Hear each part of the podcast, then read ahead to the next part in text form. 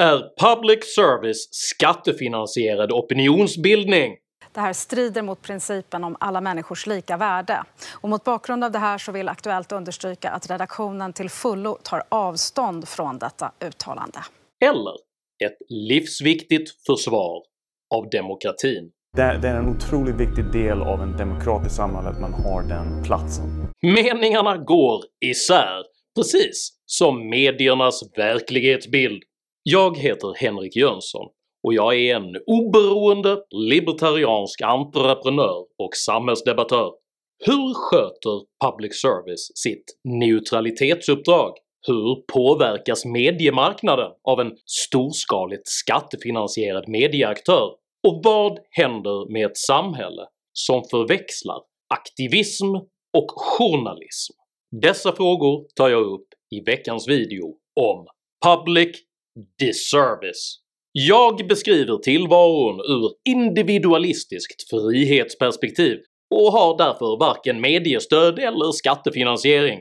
Jag är därför helt beroende av ert frivilliga stöd. Så om du gillar mina filmer så hjälper du mig att fortsätta göra dem om du stöttar mig via något av betalningsalternativen här ute till vänster.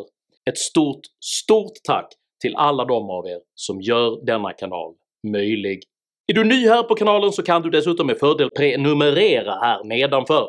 Se till att klicka på den där vinklade klockikonen, men skriv framförallt upp dig på mitt kostnadsfria veckobrev som finns länkat i videons beskrivning så missar du garanterat aldrig när jag släpper nya filmer. Vilket jag gör i allmänhetens tjänst varenda lördagsmorgon klockan 08.00 svensk tid. Idag pratar jag om media, makt och meningsskiljaktigheter. Häng med!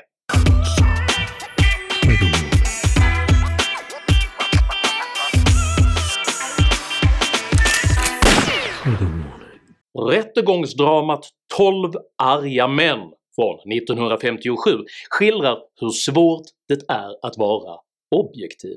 Filmens 12 jurymedlemmar konfronteras med vad som vid en första anblick verkar vara ett uppenbart mordfall. Men ju längre diskussionen pågår upptäcker fler och fler av jurymedlemmarna att de på subjektiv grund dragit förhastade slutsatser om händelseförloppet. Objektivitet är inom filosofin ett begrepp som betecknar ett opartiskt förhållningssätt till sanningen, oberoende av just subjektivitet. Som exemplet med de 12 arga männen visar är detta dock mycket, mycket svårt eftersom det mänskliga medvetandets hela konstruktion utgår från subjektiva perceptions och tolkningsmodeller. Det är på grund av detta vanligt att personer med olika ideologisk bakgrund uppfattar samma situation på helt olika sätt, även om de förutsatt sig att vara objektiva. Trots dessa välkända svårigheter med objektivitet har de svenska public service-företagen ålagts uppdraget att vara just objektiva, och de finansieras för detta ändamål med skattemedel till en nota på närmare 9 miljarder kronor årligen. Målsättningen är att genom denna skattefinansiering kunna befria journalisterna från risken att utsättas för påtryckningar och beroendeförhållanden till tredje part, med ambitionen att, som man själv säger, tillhandahålla radio och TV i allmänhetens tjänst. På grund av denna storskaliga skattefinansiering blir public service också mycket, mycket dominant på den lilla och svårt konkurrensutsatta svenska mediemarknaden. De vinklar, perspektiv och frågeställningar som public service väljer att lyfta blir därför tongivande och påverkar hela den svenska samhällsdebatten. Detta gör det mycket angeläget att public service-bolagens prestationer kontinuerligt utvärderas och problematiseras.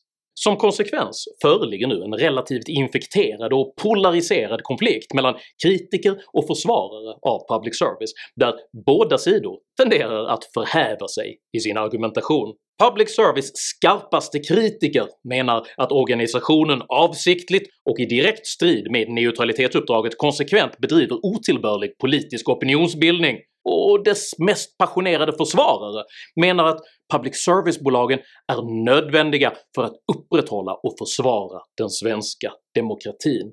Båda dessa perspektiv är överdrivna. Sveriges demokrati är naturligtvis inte beroende av en specifik medial driftsform, och public service-bolagens återkommande ideologiska klavertramp vittnar snarare om oförmåga att skilja på aktivism och journalism än om en organiserad konspiration. Men hur ser verkligheten egentligen ut? Och vad har gett upphov till dessa föreställningar?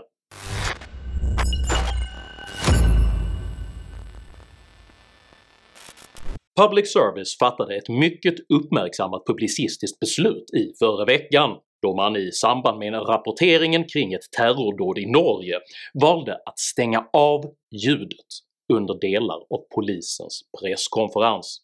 Polisens pressträff den har nu startat eh, i Norge. Vi ska lämna över dit, men först så vill vi säga att vi är återhållsamma med uppgifter om den här misstänkte mannen.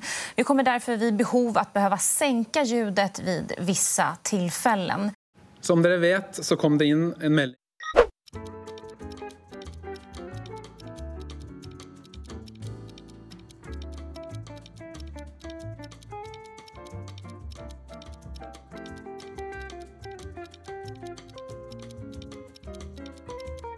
pågreppet klockan 18.47. Reaktionerna på detta blev förutsägbart starka. Anonymiseringsförsöket uppfattades av många tittare som en form av paternalistisk censur, medan många journalister försvarade beslutet som pressetiskt korrekt. En av beslutets försvarare var journalisten Emanuel Karlsten som sedan en tid tillbaka mycket förtjänstfullt har bedrivit oberoende granskande journalistik om bland annat Sveriges pandemihantering. Karlsten skriver i en tweet “Konspirationerna kring att SVT tog ner volymen på den norska sändningen är ju bara för dumma, eller opportunistiska. Först skriks det över att SVT kablar ut direktsändningen från Lamberts trädgård, SVT lär sig, gör om rutiner för live, och då skriks det om censur. Otroligt. Karlsten gör här en viktig poäng. Det hela rör sig inte om just censur, utan om ett vallhänt försök att följa de pressetiska reglerna vars 14 paragraf tydligt fastslår att utgångspunkten för medier ska vara att inte publicera namn på brottsmisstänkta om det inte föreligger ett starkt allmänintresse. Kritiken mot SVTs hantering av detta ärende bör således riktas mot det publicistiska omdömet snarare än att formuleras som en censuranklagelse. Att Sveriges Televisions samlade journalistkår inte kan avgöra om det finns ett större allmänintresse för en polismyndighets presskonferens om ett terrordåd jämfört med en excentrisk privatperson i mexitegelvilla är dock mycket graverande och har den allvarliga konsekvensen att det spär på det redan växande misstroende som finns mot medier i allmänhet. En organisation av SVTs storlek producerar dock så stora mängder journalistik att det kan tyckas rimligt att ha överseende med enstaka missbedömningar. Problemet är att det inte rör sig om enstaka missbedömningar, utan om ständigt återkommande och ideologiskt samstämmiga avvikelser från neutralitetsuppdraget. I slutet av sommaren orsakade exempelvis den högprofilerade SVT-journalisten Karina Bergfeldt en skandal när hon i strid med public service regelverk under parollen “Fuck it” gjorde reklam för en biståndsorganisation på Instagram. I Sveriges Radios program Medierna förklarade hon det hela så här. Jag hade gråtit en hel helg över min sons namngivning och var blödig och ville rädda alla barn i hela världen och bara tappade det och liksom skrev att tänk om 99 personer kan ge 57 kronor ihop med mig. Och så bara gick det käpprätt åt skogen. Men jag tror, om man tittar på den där stackars insamlingen, där kan man ju liksom säga att jag var en dumskalle som inte förstod då min egen den, den påverkan jag har. Jag gjorde verkligen inte det. Dessvärre visar Bergfeldts svar att hon inte förstår principfrågan, för varken hennes känsloläge, uppsåt eller ens självbild har någon som helst bäring på den centrala neutralitetspremiss som hela public service-institutionens legitimitet vilar på. Denna bristande förståelse underströks av Bergfeldts reaktion på ett inslag i humorprogrammet Svenska nyheter ett par dagar senare. Jag blir tvingad, tvingad att balansera upp det här med en insamling till motsatsen till Svenska Afghanistankommittén, till talibanerna. De flesta av oss begriper den absurdistiska satiren i att stöd för en sak inte kan neutraliseras genom stöd för dess motsats. Däremot visar Bergfeldts reaktion på Instagram att hon ännu står helt oförstående inför själva principfrågan. Hon skriver “Jag har ju fått en del kritik för att jag var partisk när jag ville att flickor i Afghanistan skulle få gå i skola. Kritiken som har riktats mot Bergfeldt har uteslutande fokuserat på brotten mot public service-bolagens neutralitetsregler. Bergfeldts formulering likställer däremot kritiken av hennes insamling med kritik av att barn ska få gå i skolan och resonerar därigenom som en aktivist i högre grad än som en journalist.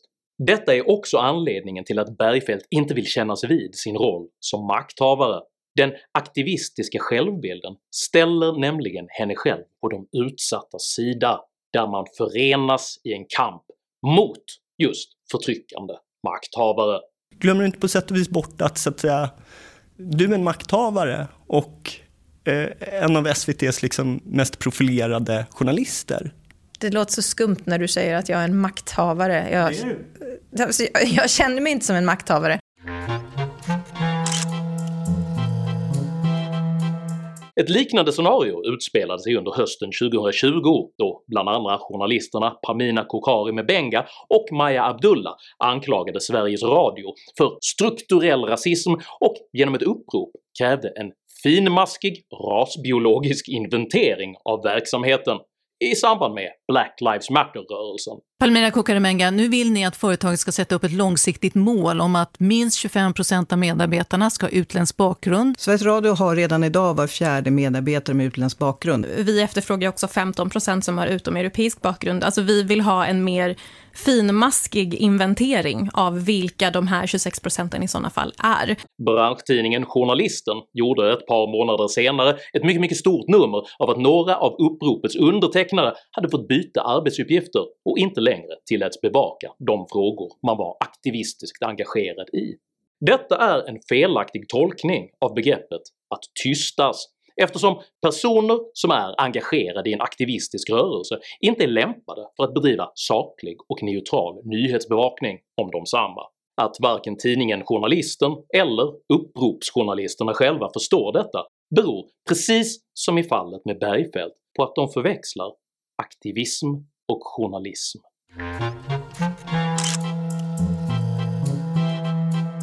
På motsvarande sätt publicerade Sveriges Radio under 2019 en lång serie kritiska reportage om myndigheternas hantering av islamistiska utvisningsärenden, vilka skrevs av en journalist som senare visade sig ha en relation med just en utpekad islamist. Sveriges Radios ansvarige utgivare, Claes Wolf Waltz, uppgav att man i oktober 2020 agerade mot journalisten och att vederbörande inte längre arbetar på Sveriges Radio. I skrivande stund finns dock journalistens reportageserie ännu tillgänglig på Sveriges Radios webbsida utan någon som helst märkning som indikerar att dess innehåll kan vara partiskt. Sveriges Radio har även mycket kraftfullt motsatt sig en extern och oberoende utredning av vad Wolf Waltz betraktar som ett personalärende. Detta under förevändningen att Sveriges Radio i egenskap av medieföretag inte lyder under offentlighetsprincipen samt att en extern utredning av publicistik bryter mot grundlagen.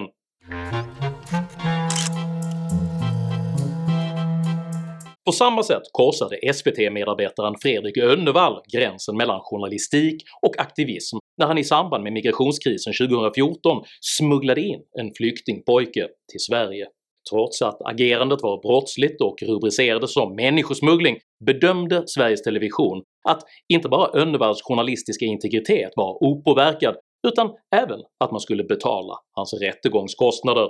Högsta domstolen skrev ytterst ner straffet till 40 dagsböter och Önnevall lät hälsa att han borde ha friats helt eftersom han räddat ett barn. Även detta är att sammanblanda aktivism och journalism.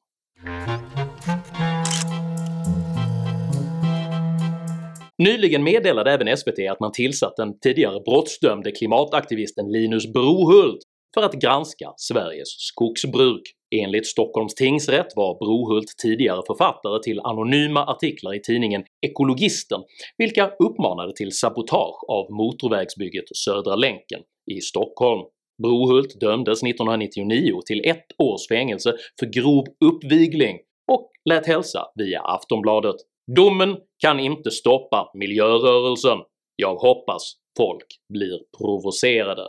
Oaktat att man bör kunna sona tidigare missgärningar så framstår just denna rekrytering som att göra en rehabiliterad alkoholist till bartender på Finlandsfärjan. Det kanske går, men den neutrala rapporteringens trovärdighet kommer att vara påfallande låg.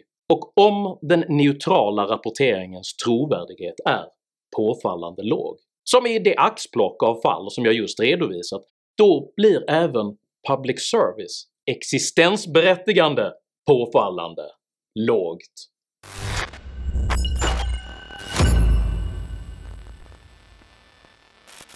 De journalistiska reaktionerna på kritik av public service tenderar att vara att utmåla meningsmotståndarna som antingen okunniga, demokratifientliga eller moraliskt tveksamma. Se exempelvis här hur intresseorganisationen Reportrar utan gränser framställer mig själv i sin opinionsbildande video. Public service klarar inte objektivitetsuppdraget. Detta är ett stort problem.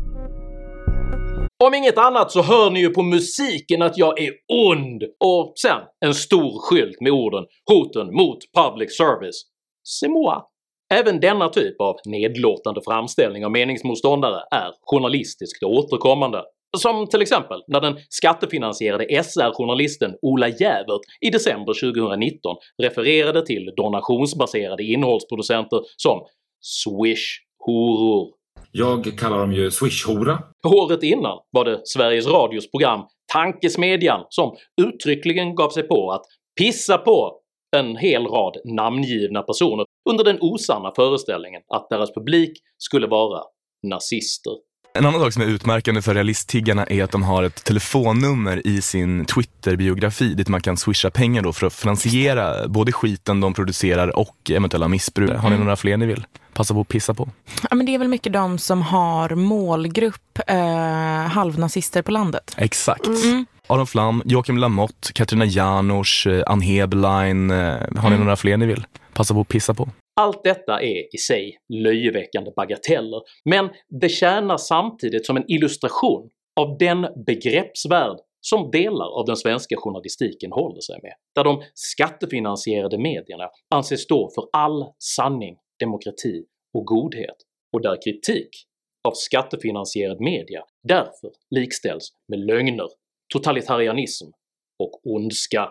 Så låt mig då med förhoppningsvis ömsesidig välvilja utsträcka följande förtroende till dessa journalister.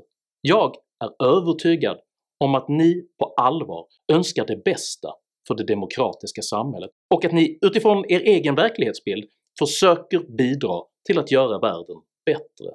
Men jag ber er nu att på allvar utsträcka samma förtroende till era meningsmotståndare. De är nämligen kritiska mot public service av exakt samma anledningar.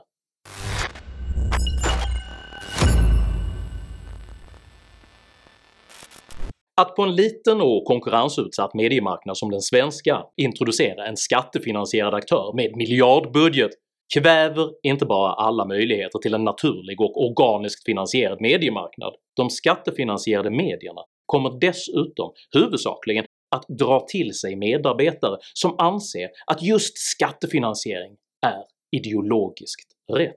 Detta är sannolikt en av flera förklaringar till den ideologiska homogena organisationskultur som genomsyrar stora delar av public service, vilken bland annat kommer till uttryck i form av oförmågan att i god tid identifiera och förhindra missbedömningar av den typ som jag har redovisat i denna video. För när alla i ens närhet tycker ungefär likadant som en själv, då blir det svårt att förstå hur den övriga världen tänker. Det är i sammanhanget ointressant vilken typ av ideologisk slagsida som public service eventuellt har, och det vore på inget sätt bättre om public service-bolagen dominerades av konservativa ideal istället för socialistiska ideal. Det centrala problemet är nämligen att det dominanta mediala inflytande som public service utövar gör organisationen till en frestande måltavla för politisering, vilket i förra veckan med genant tydlighet illustrerades av Miljöpartiets oförblommerade anspråk på att styra nyhetsrapporteringen i enlighet med sin egen ideologi. Frågan gäller alltså inte vilken färg det ska vara på den aktivistiska lekstugan, utan om man bör ha någon aktivistisk lekstuga alls. Och denna hållning är fullt möjlig att förfäkta av omsorg för demokratin. Tänk på att det nästan alltid är samma människor som ropar högst om hoten mot demokratin som också misstror folkets förmåga att leva självständigt utan en stor kontrollerande stat. De 12 arga männen ägnar en hel film åt att bråka om vem som har objektivt rätt. Först i filmens sista scen lär de känna varandras namn och inser att subjektiva individer i frivillig samverkan för oss närmare sanningen än även de mest heroiska anspråk på objektivitet. What's your name? Davis. My name's McCardle. Tycker du det är en bättre modell att låta tusen mediala blommor blomma än att samla alla de mediala äggen i en enda stor statsfinansierad korg? I så fall tycker jag att du ska dela den här videon med dina vänner, och varför inte prenumerera på min YouTube-kanal när du ändå är igång? Har du egna erfarenheter av journalistisk aktivism och medial ideologisk likriktning? Dela i så fall gärna med dig av dina upplevelser i kommentarsfältet här nedanför. Jag uppskattar all respektfull kommunikation. Men kom ihåg, var alltid artig, även mot dina meningsmotståndare. Jag accepterar inte personangrepp, aggression eller rasism i mina idédrivna kommentarsfält. Tack för att du som kommenterar respekterar detta. Jag heter Henrik Jönsson, och jag är kritisk mot public service av omsorg för demokratin. Tack för mig, och tack för att ni har lyssnat.